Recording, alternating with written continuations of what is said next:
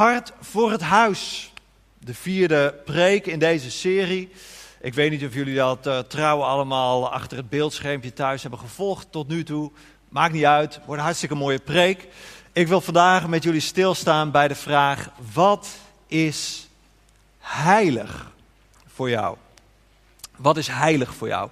Ik luister uh, vaak podcasts. Uh, bijvoorbeeld als ik in de tuin bezig ben, daar besteed ik nogal wat uren aan. In het voorjaar en in de zomer heb ik zo twee oortjes en dan luister ik podcasts. En een van die podcasts, dat is de podcast The Sacred. Uh, The Sacred betekent het heilige. Uh, het is een interviewpodcast, er komen voor allerlei mensen langs en die worden geïnterviewd. En die krijgen allemaal aan het begin van het interview de vraag voorgelegd. Ja, wat is heilig voor jou? En het zijn lang niet allemaal christenen. Dat zijn mensen uit alle lagen van de bevolking en de maatschappij. En die mogen dan nadenken over die vraag: wat is, wat is eigenlijk heilig voor mij? En, en, en dat is ook een vraag voor veel mensen: van, hey, wat, wat drijft je? Uh, wat, wat, wat vind je nou ten diepste rechtvaardig of wat vind je ten diepste onrechtvaardig? Weet je wel, wat is het, wat is het beschermen waard? Wat vind je waardevol en wat vind je ook kwetsbaar misschien om, om, om ervoor te gaan staan? En sommige mensen antwoorden dan: wat is heilig voor mij? Nou, mijn kinderen. Die zijn me heilig. Daarvoor ga ik staan. Dat heb ik gekregen en ik voel met heel mijn hart. Daar moet ik zorg voor dragen. En sommige mensen trekken dat breder en die zeggen: nee, eh, eh, waar het om gaat is dat ik ook in hoe ik leef, dat ik zorg draag voor de toekomst. Voor volgende generaties of voor de planeet of weet ik wat. Uh, en andere mensen die zeggen van, hé, hey, weet je, ik word, als jij mij die vraag stelt, wat is heilig voor jou? Ik word naar dat woord liefde toegetrokken. Dat is zoiets kostbaars en ik heb God leren kennen of ik heb Jezus leren kennen en dat woord liefde is voor mij opengegaan en, en, en het is me heilig. Nou, hele mooie gesprekken die daaruit voortkomen. Maar ja, vanochtend wil ik eigenlijk vragen, wat is jouw antwoord? Op die vraag. Wat is jou heilig? Wat drijft jou ten diepste? En ook een goede voor ons, zoals we hier vandaag bij elkaar zijn en voor jou thuis. Wat is heilig voor ons samen als kerk? Wat bindt ons samen? Wat drijft ons samen? Wat is het heilige vuur dat ons als stadskerk drijft? Is dat, dat iedereen welkom is bij Jezus en dat we daar alles voor willen geven. Nou, een ander zal misschien zeggen van nou dat klinkt wel aardig. Maar wat echt heilig voor me is, is gewoon radicaliteit. Dat we als kerk investeren in discipelschap en Jezus na gaan volgen en keuzes durven maken. En een derde zal zeggen, ja, dat is ook, beide antwoorden zijn mooi en goed, maar weet je waar we echt aan vast moeten blijven houden? Dat is verzoening door voldoening. Dat moeten we niet loslaten, dat moeten we vasthouden. Dat is heilig, dat Jezus aan het kruis is gegaan en dat hij jou heeft vrijgekocht. He, dat hoor ik te weinig en dat is heilig en dat moet ik vaker horen. En anders zal zeggen, ja, dat is ook mooi, maar weet je wat voor mij heilig is? Dat is het kruis, dat Jezus zich heeft gegeven aan het kruis, dat God zelf mens is geworden en, en heeft geleden en is gestorven, dat hij aan het kruis is geweest. Laat dat eens op je inwerken, joh. Dat bepaalt heel mijn levens, levensveranderend. En een derde, en een volgende, een vijfde misschien inmiddels al, die zegt: Het kruis is mooi, maar joh, uh, laat dat kruis nou een keer los. Het gaat om de opstanding. De opstanding is me heilig. Dat, dat de kracht van God, de, de kracht van de geest die ook door die opstanding heen werkt, die is voor ons allemaal. Wat is heilig voor ons? Nou, al die dingen wel een beetje, hoop ik. Maar ik wil vanochtend met jullie kijken naar wat is heilig voor Jezus. Jezus laat in zijn optreden wel een aantal keer merken van, dit is heilig voor mij. Dit, dit raakt mijn diepste drijfveren. Dit is waarom ik hier ben. Dit is wat ik jullie wil laten zien. En ik wil vanochtend met jullie lezen uit Johannes 2, vers 13 tot 22. Dat is het verhaal van de tempelreiniging en aansluitend het, wat we dan noemen het tempelwoord wat Jezus daar spreekt. Het is een verhaal waaruit blijkt waar Jezus voor wil gaan staan, waar Jezus voor wil vechten. Johannes 2 vanaf vers 13. Kort voor Pesach, het Joodse paasfeest, reisde Jezus naar Jeruzalem.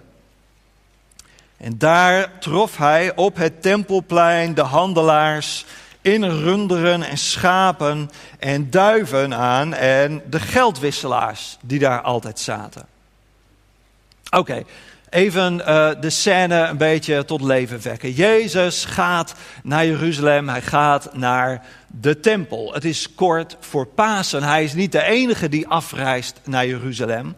Duizenden, misschien wel tienduizenden Joden vanuit Israël, Judea, maar ook vanuit wereldwijd, vanuit Rome, vanuit Korinthe, vanuit Efeze, vanuit Alexandrië, alle grote steden, daar woonden duizenden Joden. En heel veel van hen gingen jaarlijks, of soms meerdere keren, gingen ze, reisden ze naar Jeruzalem. En, en dan gingen ze naar de tempel en dan gingen ze naar, naar uh, uh, deze voorhof, zeg maar. Deze, dit is de zuilengang, de koninklijke zuilengang, waar een soort markt plaatsvindt. En daar zaten de geldwisselaars, want wat deden al die duizenden en duizenden Joden? Die kwamen daar ook meteen hun tempelbelasting betalen. En ze wisselden hun geld en ze betaalden hun die drachma, kaching, kaching. En ze waren daar in die prachtige tempel.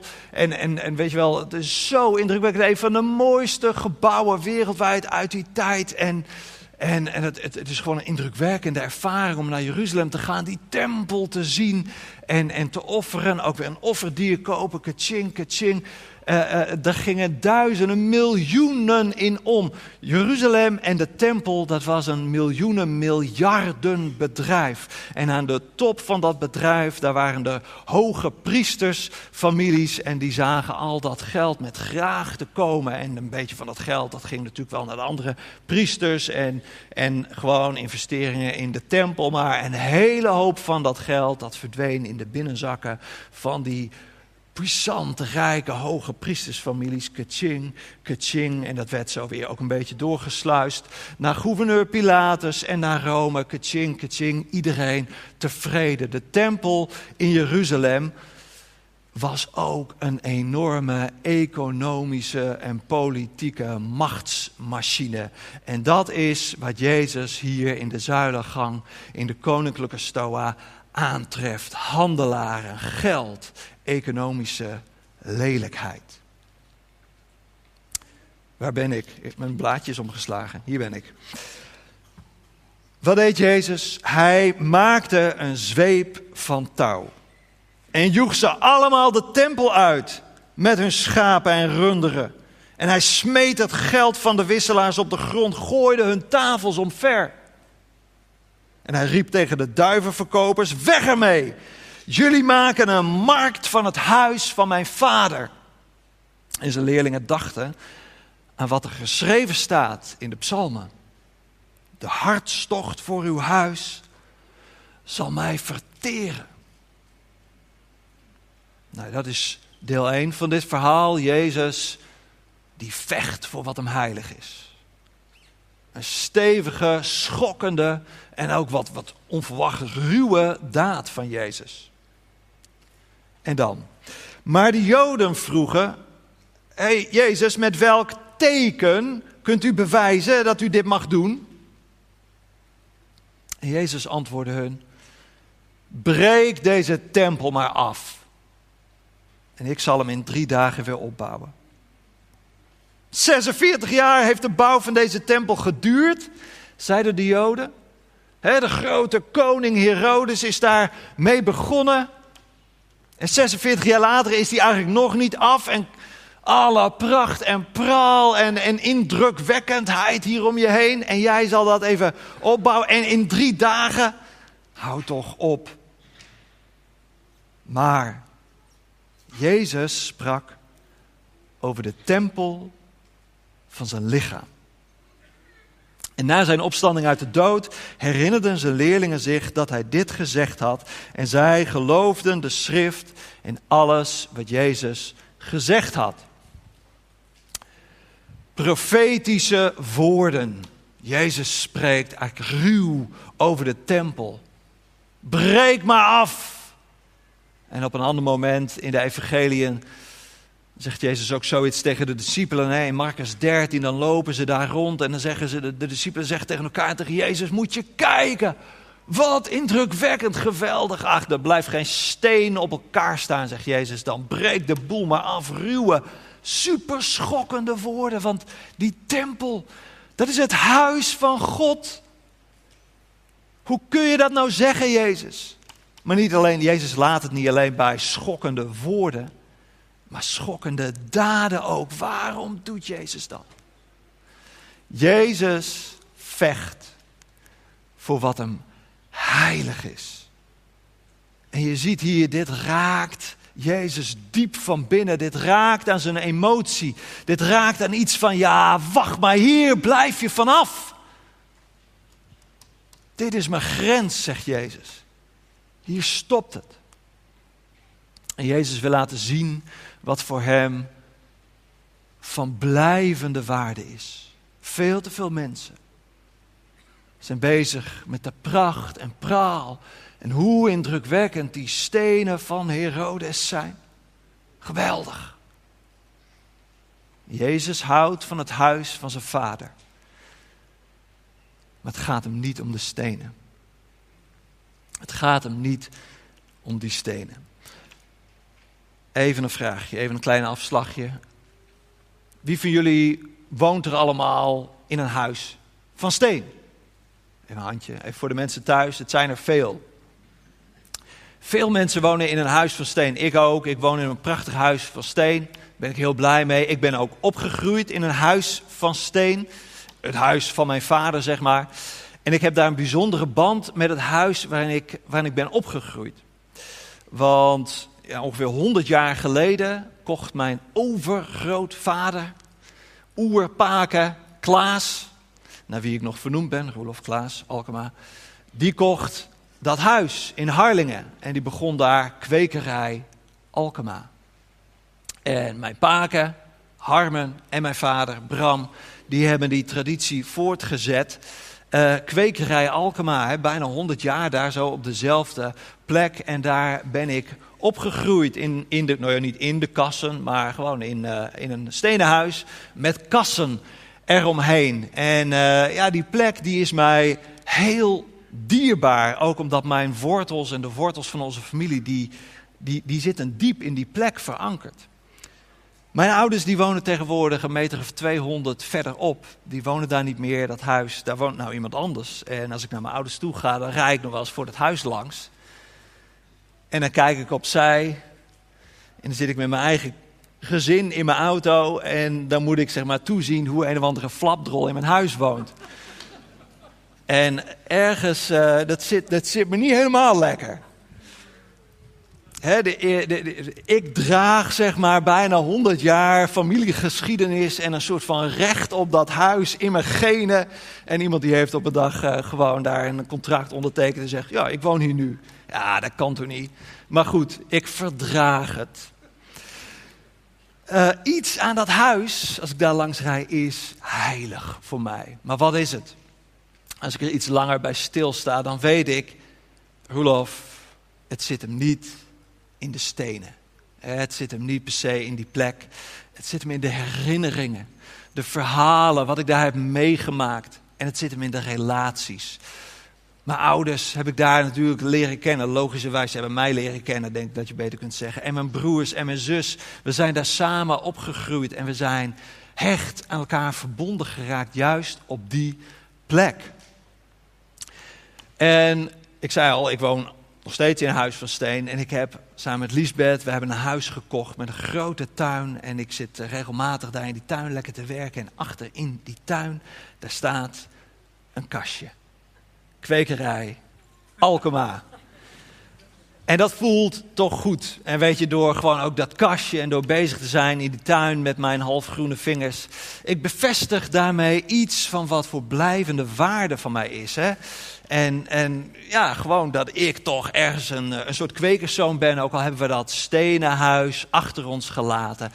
Iets van een onzichtbaar huis, Alkema, dat draag ik mee in mijn hart. En het onzichtbare huis is gewoon van grotere waarde dan dat stenen huis. Het zit hem niet in de stenen.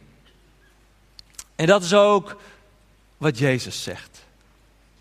Als ze tegen hem zeggen van, uh, wat zeg je nou? Ik, ik, breek die boel maar af, ik, ik, ik bouw het in drie dagen weer op. Jezus wil juist een punt maken. Jullie zijn hier zo gefixeerd op de stenen. En jullie hebben Herodes en de Romeinen en die hoge priesterskliek een vrijbrief gegeven om, ja oké, een geweldig indrukwekkende tempel op te bouwen. Maar wat heb je daaraan weggegeven? Je hebt geïnvesteerd in een mooie buitenkant. Maar het gaat om het hart. Jezus sprak over de tempel van zijn lichaam. En Jezus spreekt voor zijn toehoorders, ik zei het al, schokkend. Als hij zegt, breek die tempel maar af.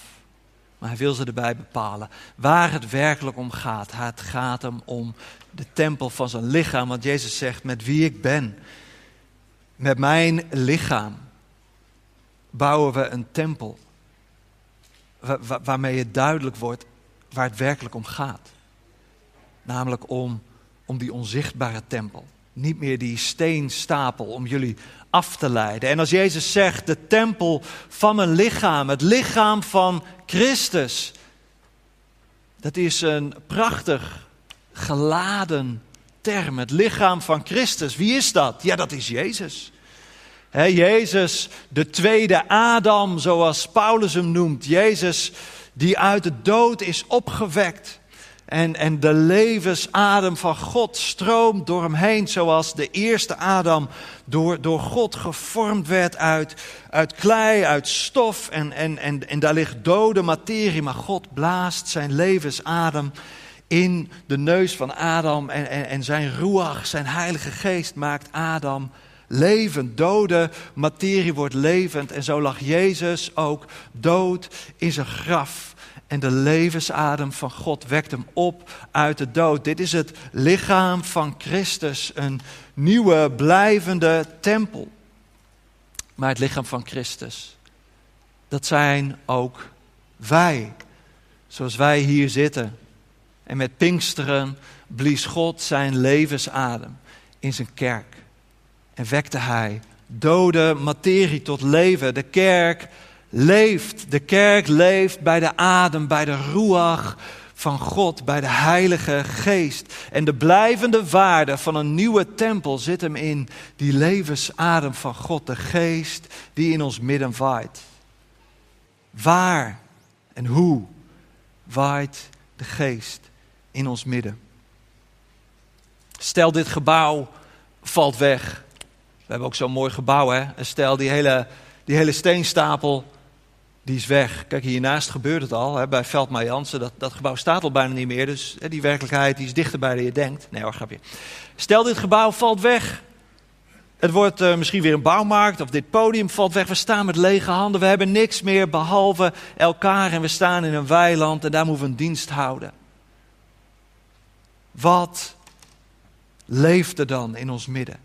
Waar ging het nou eigenlijk om? Wat er dan overblijft. De ruach van God. Dat is volgens mij wat ons heilig zou moeten zijn. Wat ons ten diepste als kerk zou moeten drijven. En even een, een stapje terug naar Jezus in die tempel. Hij vecht voor wat hem heilig is. Oké. Maar waarom deed hij nou wat hij deed? Het is één ding dat hij die, die schokkende, ruwe woorden spreekt, maar om Jezus zo, weet je, een zweep en hij begint op, op mensen en dieren in te slaan. Nou, mensen misschien, op, in ieder geval tegen die dieren, vecht ermee en hij schopt die tafels om van die geldwisselaars. Wat is dit? Jezus vecht voor wat hem heilig is. En Jezus die, die houdt hier iets tegen. Hij breekt hier iets af. Het gaat niet om die stenen van Herodes, wil Jezus zeggen. Het gaat niet om indruk maken, om goede sier, om buitenkant. En het gaat niet om De belangen van de hoge priesters, dat wil Jezus ook laten zien. Dat, wil die, dat idee wil hij zo duidelijk maken. Macht, geld, invloed. Oh, we zijn er zo makkelijk door afgeleid. Maar daar gaat het niet om. En het gaat ook niet om een vals gevoel van verzoening. Wat je kunt kopen. Gods gunst kopen met geld. Gods gunst kopen met goed gedrag. Met een prachtige tempel. En alles is zoals het hoort te zijn. Dat is wat Jezus af komt breken. Niet die steenstapel. Jezus wil een plek van ontmoeting. Een plek waar we samen God ontmoeten. Waar we elkaar ontmoeten in de naam van Jezus. Dat is wat hem heilig is. En Jezus wil een plek van vrede, van shalom, waar we samen klein en afhankelijk zijn tegenover een grote God. En Jezus wil een plek van genade. Ons hart, dat kan breken bij het kruis. En dat we beseffen, oh, er is zoveel onrecht in de wereld. Er is zoveel onrecht in ons hart. En ja, wij staan daar soms onmachtig tegenover. Maar we komen bij Jezus. En we geven het aan Hem. En niet wat wij doen, maar wat Jezus deed. En dat we daarbij worden bepaald. Een plek van ontmoeting, een plek van vrede, een plek van genade. Dit is wat Jezus heilig is. Dit is wat de Heilige Geest wil bouwen in ons midden. En is dat ook heilig voor jou? En is dit waar Jezus aan mag bouwen? Is dit het huis wat Jezus op mag bouwen in ons midden? Een onzichtbaar huis en niet per se indrukwekkend. Niet per se van steen, maar van levende materie. Gods adem, Gods geest die waait in ons midden. En waar mag die geest waaien? En zullen we samen op zoek gaan? Als we hier steeds meer weer elkaar op mogen zoeken, samen deze plek van ontmoeting bouwen, zullen we op zoek gaan naar die plek van ontmoeting, die plek van vrede, die plek van genade. Dat we opnieuw weer een seizoen ingaan waarin ons hart zich opent voor wie God is, voor hoe Zijn geest spreekt in ons midden, hoe de wind van Zijn geest waait in ons midden. Hoe de adem van God ons tot leven wekt. Soms is dat moeilijk. soms denk je, is het er wel? En dan is het een podium. En dan is het een steenstapel. En dan is het even zoeken. Als we samen ons hart openen, dan wil God komen en met ons bouwen aan die plek. Een plek van ontmoeting. Een plek van vrede. Een plek van genade. Het is heilig voor Jezus. Zullen we samen gaan staan en samen bidden. En ons hart openleggen voor God. En Hem uitnodigen om te bouwen met ons. Heer Jezus, u vecht voor wat u heilig is. De Heer wil dat ook doen in ons midden. Heer, soms moeten er dingen afgebroken worden. Soms moeten er dingen weggejaagd of stopgezet worden. Niet hier, niet nu. Heer Jezus, wilt u in ons hart laten zien, Heer. Waar we misschien mee mogen stoppen, wat we af mogen leggen. Heilige Geest, waai in ons midden.